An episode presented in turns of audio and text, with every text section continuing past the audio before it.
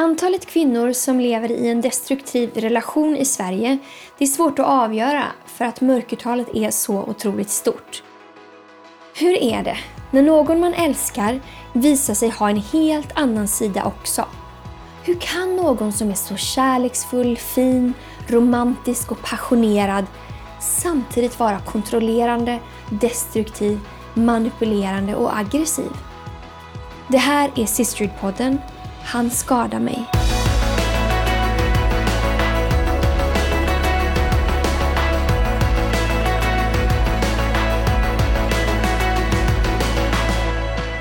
Mörkertalet kring destruktiva våldsamma förhållanden är som sagt otroligt stort.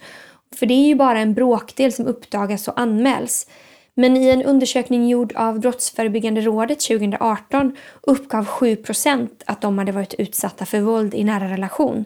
Och det här är då både män och kvinnor. Och 7% av Sveriges befolkning det är ungefär 700 000 personer. Dessutom säger 10 av alla barn i Sverige i skolenkäter att de har en våldsam situation i sitt hem. Det är alltså ganska sannolikt att du har någon i din närhet som lever i en destruktiv, nedbrytande och våldsam relation. Så ska det inte vara. Det var inte så här Gud tänkte. Jag träffade och pratade med Ellen Kimblad Svensson som har otroligt mycket erfarenhet kring det här området. Här är vårt samtal. Ellen? Ja? Välkommen. Tack. Um, du har ju erfarenhet både från ditt privatliv kan man säga och eh, från din profession om kvinnor som far illa i en relation. Ja, um, precis. På vilket sätt har du jobbat med det? Jag arbetar som polis och har jobbat med brott i nära relation i sju år inom polisen. Och brott i nära relation innebär att man handlägger brott som handlar om grov kvinnofridskränkning, misshandel, sexuella brott, våldtäkter, olaga hot som sker i en nära relation. Oftast är det familjerelaterat. Sju år? Mm. Mastigt. Ja. Ja, oh, wow. Men eh, hur, eh, vad kännetecknar ett sånt förhållande då? En destruktiv relation, ja det är ju... Framförallt så kännetecknas det av att det förekommer våld i relationen. Och då finns det ju väldigt många olika typer av våld. Och den, det som kanske är mest eh, vanligt och det alla tänker på, det är ju det här fysiska våldet som finns. Slag, sparkar, eh, att man kanske använder redskap, att man bränner med cigaretter, strypgrepp man sparkar mot en gravid mage till exempel. Det är det här vanliga fysiska våldet som jag tänker att många förstår är våld. Sen något annat är det psykiska våldet. Och eh, det är ju ofta att man blir kallad för väldigt elaka saker. Man blir kallad för hora, man är dum i huvudet, man är totalt värdelös. Att man blir hånskrattad då, till exempel. Det kan också vara att man inte får äta eller sova eller duscha, man inte får tvätta sig. Så det definieras också som våld? Ja, typ psykiskt våld. våld. Ja. Mm. För att det blir på något sätt då att man um, definierar, att man kontrollerar kvinnans sätt att tänka och leva och styr hennes sätt att förhålla sig till livet. Syftet med det är att minska självkänslan och bryta ner självförtroendet så att man kan få henne att göra precis som man vill och som man tänker. Ja. Sen har vi det sexuella våldet. Det hör man ju på namnet vad det är för någonting. Att man tilltvingar sig sex eller olika sexuella handlingar. Och Det kan ju vara att mannen tycker att han har rätt till det för att man är partner eller man eller sambo. Och att man har ett slags ägandeskap över kvinnan som man gärna vill ta ut sin rätt till. Sen har vi det sociala våldet. Att mannen klagar på den vänskapskrets som man har eller familjemedlemmar. Och man tycker att vännerna kanske är konstiga, knepiga, beter sig illa, inte tillräckligt smarta, inte tillräckligt av någonting och inte värda egentligen ha en relation med, med kvinnan. Och Det gör ju att kvinnan anpassar alla sina relationer för att undvika konflikter med mannen. Så att man isolerar sig ju mer och mer. Mm. Man utsätts för det här sociala våldet. Man blir isolerad av det. Det kan också vara att man inte får gå till arbetet eller gå till skolan och träffa andra människor. Man kanske inte ens får gå och handla.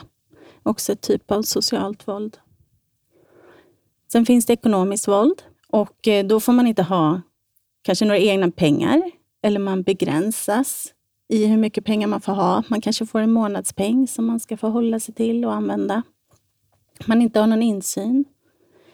Det kan vara också att mannen köper saker i kvinnans namn eller att um, han tar lån i kvinnans namn.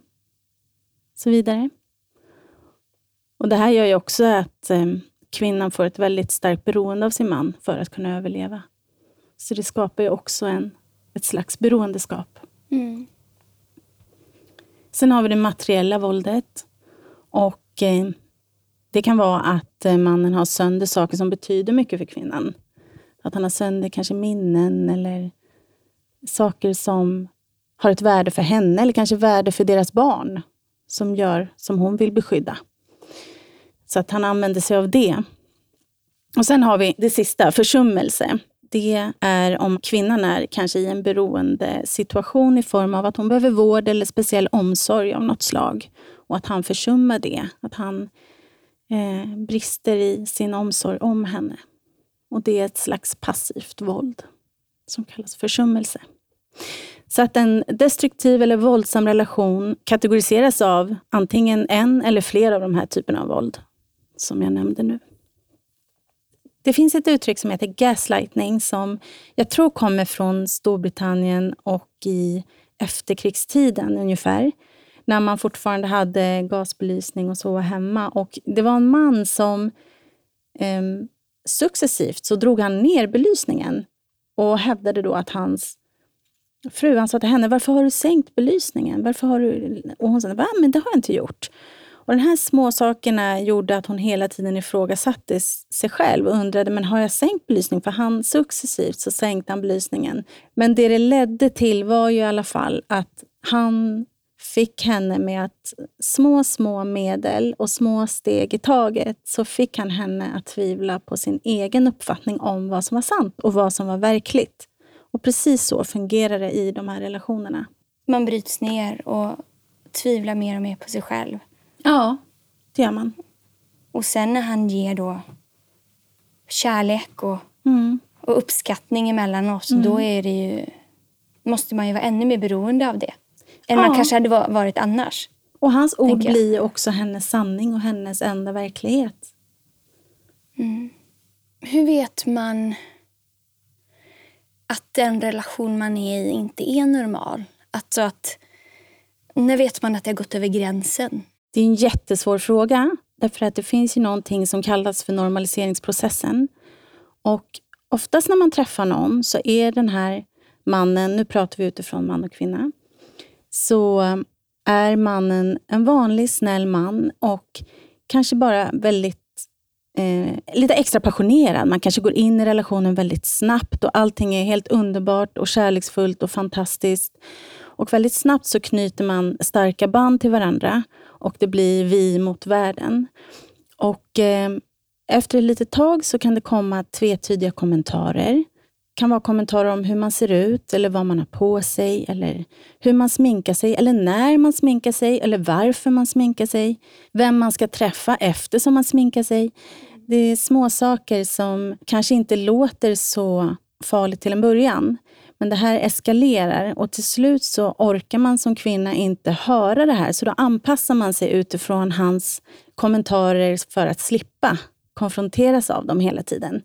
Så man anpassar sig i små, små steg och till slut så blir situationen så att han kontrollerar nästan hela hennes tillvaro. Vilka hon eh, träffar, vilka, vad hon får göra, eh, vilka hon likar på Instagram, om hon ens får ha sociala medier etc. Och när det här kontrollbehovet har blivit så stort så att kvinnan anpassar sig så pass mycket hela tiden för att inte gå in i en konflikt med honom och göra honom upprörd. För det vill hon inte, för att då, det kan vara en konflikt som håller i sig i dagar eller veckor. Och det tömmer ju ut all energi man har. Det är så energikrävande, så man undviker att hamna i en konflikt. Mm. Så man vill ju anpassa sig så mycket som möjligt för att slippa de här konflikterna.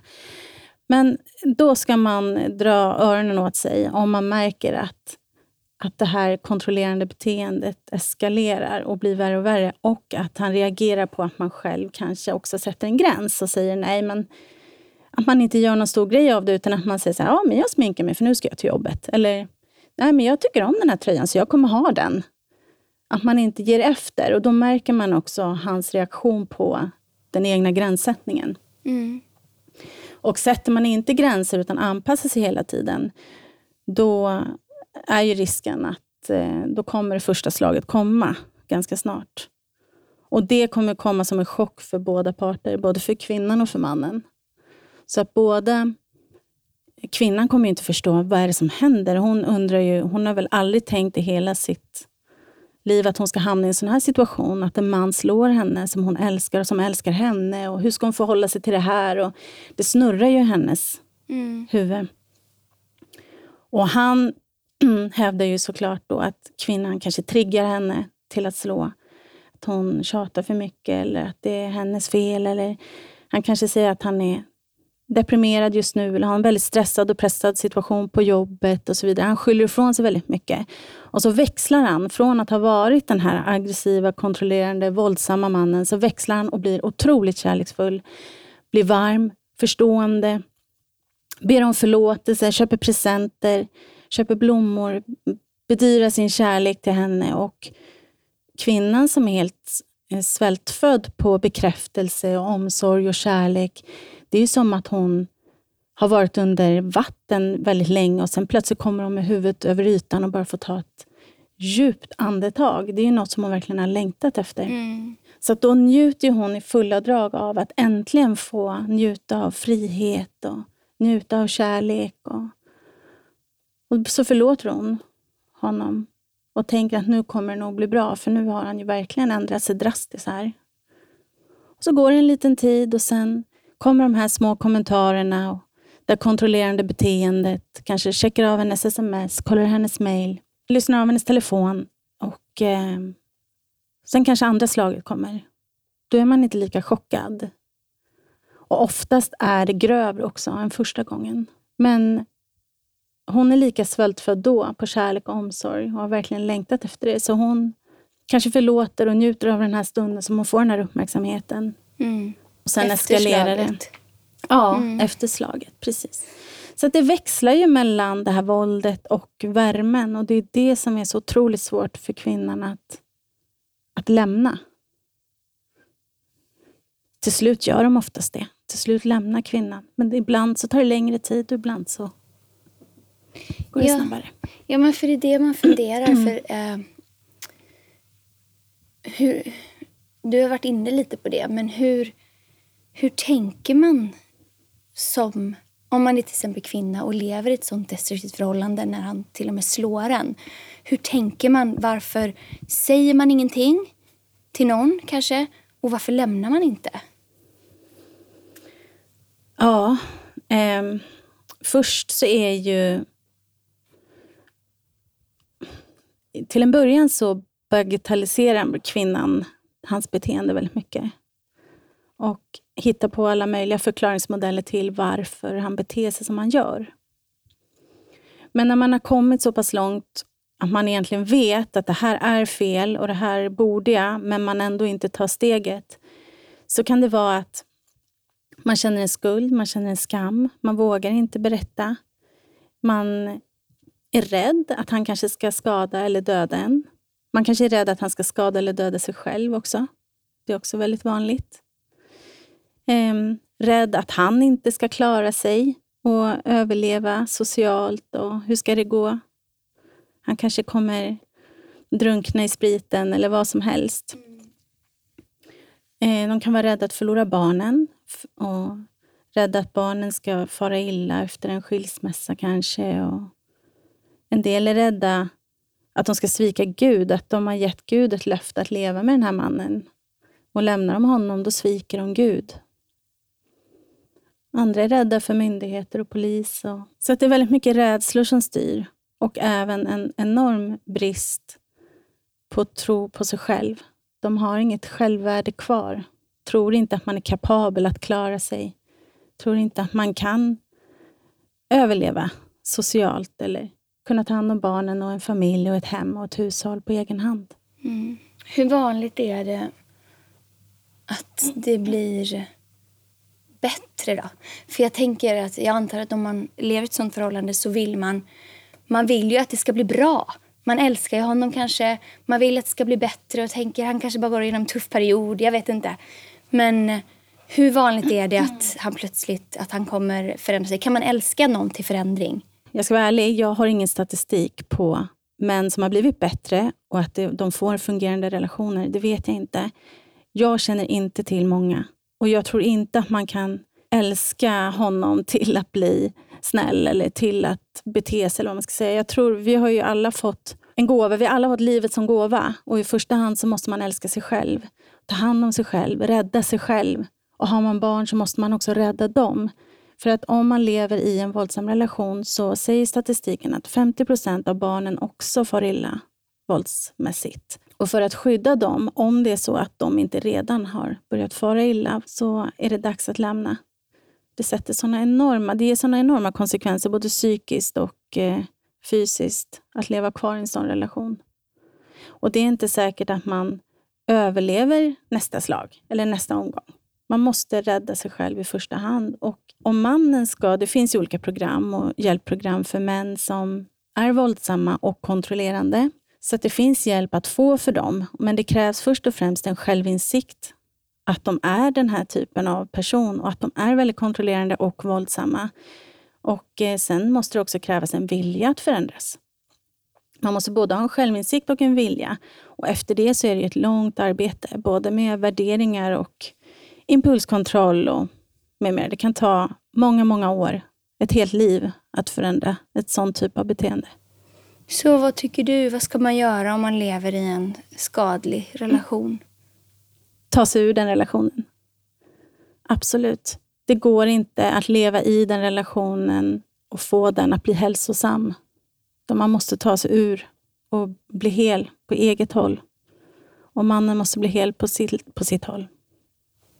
Hur vanligt är det med eh, sådana här relationer? Finns det någon statistik på det? Mm. Det finns statistik på antal anmälda misshandelsbrott mot kvinnor i nära relation. Jag tror att den är på 50 000 ungefär per år.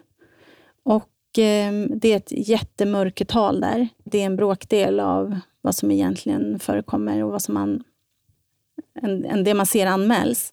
Det man ser är att när man har enkätundersökningar i skolor och så, så svarar barn på att 10% av alla barn i Sverige har en våldsam situation i sitt hem. Och Med de siffrorna så förstår man ju hur vanligt det här är. Det här är otroligt vanligt. Statistiken säger också att 46% av alla kvinnor som är 15 år eller äldre har någon gång varit utsatt för våld från en man. I Sverige? I Sverige. Mm.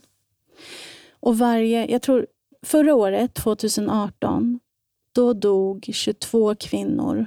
De blev mördade av sin man eller sin före detta man. 22 kvinnor miste sitt liv på grund av de levde med en man som var väldigt kontrollerande och våldsam. Kan man se utifrån um, att någon lever i en, ett destruktivt förhållande och hur kan man se det? Det är ju svårt att se. Oftast är ju mannen ganska social, vältalig, karismatisk, glad, trevlig mot de flesta. Om kvinnan är med så tar hon oftast en lägre profil. Hon tar inte alls lika stort utrymme i sociala sammanhang, utan hon är lite tystare. Hon vågar inte prata på lika fritt och kanske inte skämta lika öppet och så vidare. Och Det är ju för att hon är rädd för att bli straffad senare, när de blir ensamma, utifrån ifall hon skulle säga någonting fel eller så. Så att oftast är kvinnan håller en lite lägre profil, lite mer tillbakadragna, tappar glädje, tappar det spontana, är väldigt tillrättalagda, väldigt kontrollerade utifrån hur de pratar, vad de säger, vad de gör. Isolerar sig mycket mer, träffas allt eh, mer sällan. Um, och man ser att de inte är glada. Framförallt så försvinner ju glädjen. Ofta så försvarar man ju mannen väldigt mycket också. Man höjer upp honom till skyarna lite mer än vad som är normalt. Det är också vanligt. Och det är ju för att människor inte ska våga ifrågasätta eller ens komma på tanken att det kan vara något som är fel. Om man misstänker då, Att någon lever i ett sånt här förhållande. Det känns ju väldigt känsligt för det första att bara ta upp det. Men vad skulle du säga, vad ska man göra? Man ska försöka hålla kontakten i första hand, för att oftast isoleras de ju ganska snabbt och vill inte ha någon kontakt med vänner eller med familj. Så man ska försöka att hålla kontakten, fråga hur det är, om man kan ses, om man kan träffas. Försök att inte ställa några känsliga frågor av sms, eller telefon eller mejl. Sånt som kan avlyssnas eller avläsas. För att det, det kan ju bli otroliga konsekvenser för det. Så det måste man ta öga mot öga. Men man ska inte ge upp heller, för att det här det kan ta tid. Men man ska inte ge upp. Och är det så att man inte vet hur man ska bete sig som vän, man ser någon som far illa och det är uppenbart, så kan man alltid ringa till Kvinnofridslinjen och be om råd. Och om man själv är kvinna och behöver hjälp, man måste försöka se till att prata med någon. Prata med en nära vän, någon man känner tilltro till, någon man har förtroende för. Man kan vända sig till mödravårdscentralen, barnavårdscentralen, ja, vårdcentralen. Man kan vända sig till socialtjänsten eller kvinnojouren i den kommun som man bor i. Och Man kan också ringa till Kvinnofridslinjen om det är så att man behöver prata med någon. De har experthjälp där. Så där kan man verkligen få bra råd och hjälp och stöd. Mm. Nu har vi bara pratat om eh, de fallen där det är kvinnan är den som är utsatt. Men det finns, eller män, där det, alltså när det är det om, mm. omvända. Där mm. mannen är den som är utsatt. Ja, så är det ju. Eh, det finns ju omvända situationer också, absolut. Den eh, har jag ingen statistik på. Men om man ska jämföra med dödligt våldssiffrorna som jag nämnde tidigare, att eh, 22 kvinnor dog 2018 på grund av våld i en relation, så var det fyra män som dog på grund av våld i en relation 2018. Men då var det också två av de fyra berodde på um, eller hade en historia av att kvinnan hade varit utsatt för våld under en väldigt lång period. Eh, det hade föregåtts av våld från mannen mot kvinnan. Så att, eh, det är de siffrorna man kan jämföra med lite. Mycket lägre andel åt det hållet. Om du skulle, om du skulle prata med en kvinna som lyssnar på det här. Mm. Som hon lyssnar på det här och nu lever hon i, en, i ett destruktivt förhållande och hon mm. vet att det här är... Mm. Hon mår inte bra. Nej. vad, vad, ska vi säga till henne? Och jag skulle säga våga bryta loss ur det här. Sök hjälp, prata med någon. Det finns jättemånga som kan hjälpa dig. Det finns ett fantastiskt liv utanför det här. Och eh, Du kommer kunna hitta riktig kärlek, du kommer hitta riktiga relationer. Du är en fantastisk människa som är kapabel på alla områden. Du kan så otroligt mycket mer än vad du tror att du kan. Och du är stark, du fixar det här, du orkar det här.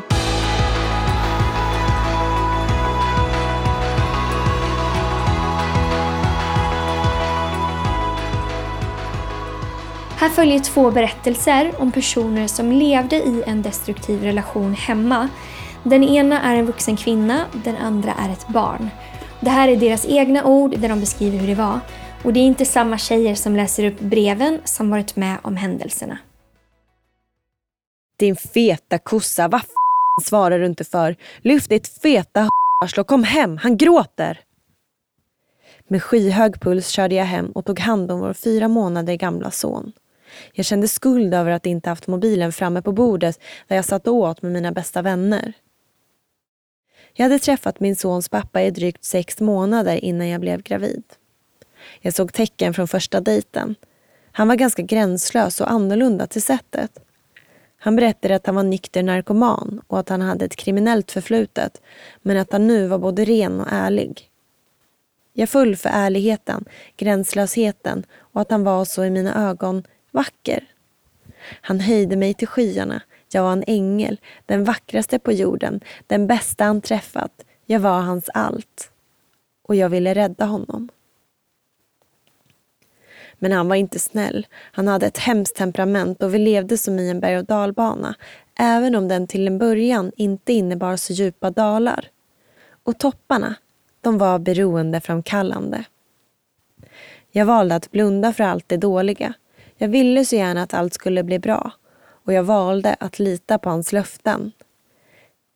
Den livsfarliga dansen som en destruktiv relation innebär är full av skräck men också av tjusning. De goda stunderna blir magiska i kontrast till det mörka, tragiska som det till största delen innebär när man lever med en sån person. När vår son var född eskalerade den ilska jag bara sett prov på under vårt dittills korta förhållande. Jag var enormt medberoende och läste av varje rörelse och uttryck från honom för att bete mig på exakt det sätt jag visste krävdes för att undvika utbrott och våld. Jag började växla mellan att bo hos mina föräldrar och hemma. Jag ville lämna många gånger, men lika många gånger skärmade han sig tillbaka in i mitt hjärta. När vår son hade blivit åtta månader gick det inte längre. Jag kunde inte fortsätta utsätta mig och min son för pappan, hur mycket jag än älskade honom. Snälla, förlåt mig, förlåt mig. Jag lovar att bli den man du förtjänar, skrek han i telefonen. Men du är sjuk och du behöver hjälp och du vägrar ju göra det du måste. Jag tänker aldrig söka hjälp för att någon säger åt mig. Jag tror att vi måste flytta isär. Kommer ni hit nu vet jag inte vad jag gör. Jag kommer slå ihjäl er båda din jävla svikare. Din jävla. Jag visste att du skulle ge upp så fort det blev lite tufft. Passa dig din jävla. Han kom på besök ibland i vår nya lägenhet och jag lät honom göra det. Han brukade sitta i sin bil utanför vårt fönster och titta på mig, skicka sms och fråga vad jag lagade till mat. Hade jag besök fick jag sms med frågor om vem som var där. Och när han var hos oss så läste han mina dagböcker, rotade mina lådor, rörde vid min kropp och ibland blev han även arg. Väldigt arg och väldigt aggressiv. Hoten och den psykiska misshandeln tog inte slut för att vi inte var ihop. De eskalerade. Jag ringde inte polisen för han hade sagt att jag skulle dö om jag gjorde det och då skulle vår son behöva växa upp utan både mamma och pappa. Men en dag när han skrek på vår son fick jag nog och bad honom lugnt att inte skrika. Jag kunde ta på förändringen av stämning i rummet och jag visste direkt att nu händer det igen. Han blev rasande. Jag blev som vanligt alldeles lugn till det yttre men det stormade i mitt inre. Tankarna gick bara till att jag skulle lyckas få honom ur vår lägenhet utan att han skulle skada oss fysiskt. Han sa att han skulle leja någon som skulle stycka mig i tusen bitar och gräva ner mig i skogen. Säger du åt mig hur jag ska uppfostra min son? Min son! Din äckliga feta du är så patetisk som står där och tror att du kan allt så mycket bättre än jag. Du säger inte åt mig hur jag ska uppfostra min son. Hör du det din äckliga Han uppmanade vår son att kalla mig för samma ord han själv sa. Och sonen som inte förstod vad orden betydde förstod ändå att de var dåliga. Han sa, mamma är ingen Dora. Och mitt hjärta gick i den stunden i lika många bitar som pappan hotade mig att min kropp skulle styckas i. Det kändes som en evighet av aggressivitet, hot och elaka hemska ord innan han äntligen lämnade lägenheten. Jag sjönk ihop på golvet och storgrät och min son kom till mig direkt. Jag sa Älskling, nu ska mamma ringa till polisen. Det var två änglar i uniform som kom hem till oss den kvällen och både jag och sonen fick ett underbart bemötande från dem. Vi fick åka till skyddat boende och en lång rättsprocess startade. Drygt ett år senare fick jag ensam vårdnad om min son och ett reglerat helgumgänge för honom och sin pappa. Här önskar jag att jag kunde säga att allt numera är frid och fröjd. Men så är det ju inte. Eftersom att leva med eller på något sätt vid sidan av en destruktiv människa innebär alltid problem och oro. Min son är med honom varannan helg och jag kommer alltid vara orolig för hur han har det där. Ingen människa är genomond. Det är min starka övertygelse. Men de sår vi bär med oss från det han utsatt oss för, de gör fortfarande ont. Det började med skrik, skäll och hot. Jag ska slå dig så att du inte sitter på tre veckor. Han hämtade pinnen och jag tog ner byxorna. Han tog sats och pinnen slog mot rumpan och baksidan av låren. Att gråta var absolut förbjudet. De flesta gångerna gick mamma emellan. Då riktades raseriet mot henne istället och jag skickades in på mitt rum. Det värsta var ändå att höra hur det skrek, fotsteg som dånade, glas som for i golvet och inte veta vad som hände men höra och känna den ångest som låg i hela lägenheten. Jag var livrädd, för min skull och för mammas. Jag brukade be, Gud snälla gör så att vi lämnar honom. Ofta satt jag i sängen och grät, tyst så att den inte skulle höra mig. Ibland hörde han mig och rusade in på mitt rum, lyfte handen och skrek åt mig att sluta gråta. Mamma följde efter, ställde sig mellan mig och pappa och jag kom undan igen. Dagen efter bråken var det efterkrigstid hemma. Alla tassade på tå och pappa kom hem med blommor till mamma och hon flöt honom, gång på gång. En gång lämnade vi faktiskt och flydde till mammas kompis där vi sov i några nätter. Men sen förlät hon pappa igen och vi var tillbaka i lägenheten. Jag tror att hon verkligen trodde att det var det bästa för oss. När jag var 12 år tog mamma beslutet att lämna pappa och den här gången fanns det ingen väg tillbaka. Jag var så lättad men samtidigt full av skuld över att jag hade önskat och bett för att min familj skulle gå sönder. Men kan man verkligen göra sönder något som redan är trasigt? Jag vet att mamma väntade med att lämna pappa för att hon var rädd och för att hon ville att vi skulle vara en hel familj. Jag skuldbelägger inte henne, för jag vet att hon gjorde allt av kärlek till mig. Men jag önskar att hon hade fattat beslutet tidigare. Hon kunde ha valt att jaga efter Frid tidigare för det hade besparat oss bägge många inre sår som vi fortfarande kämpar med. Alla barn vill ha en hel familj, men alla barn måste få växa upp i trygghet.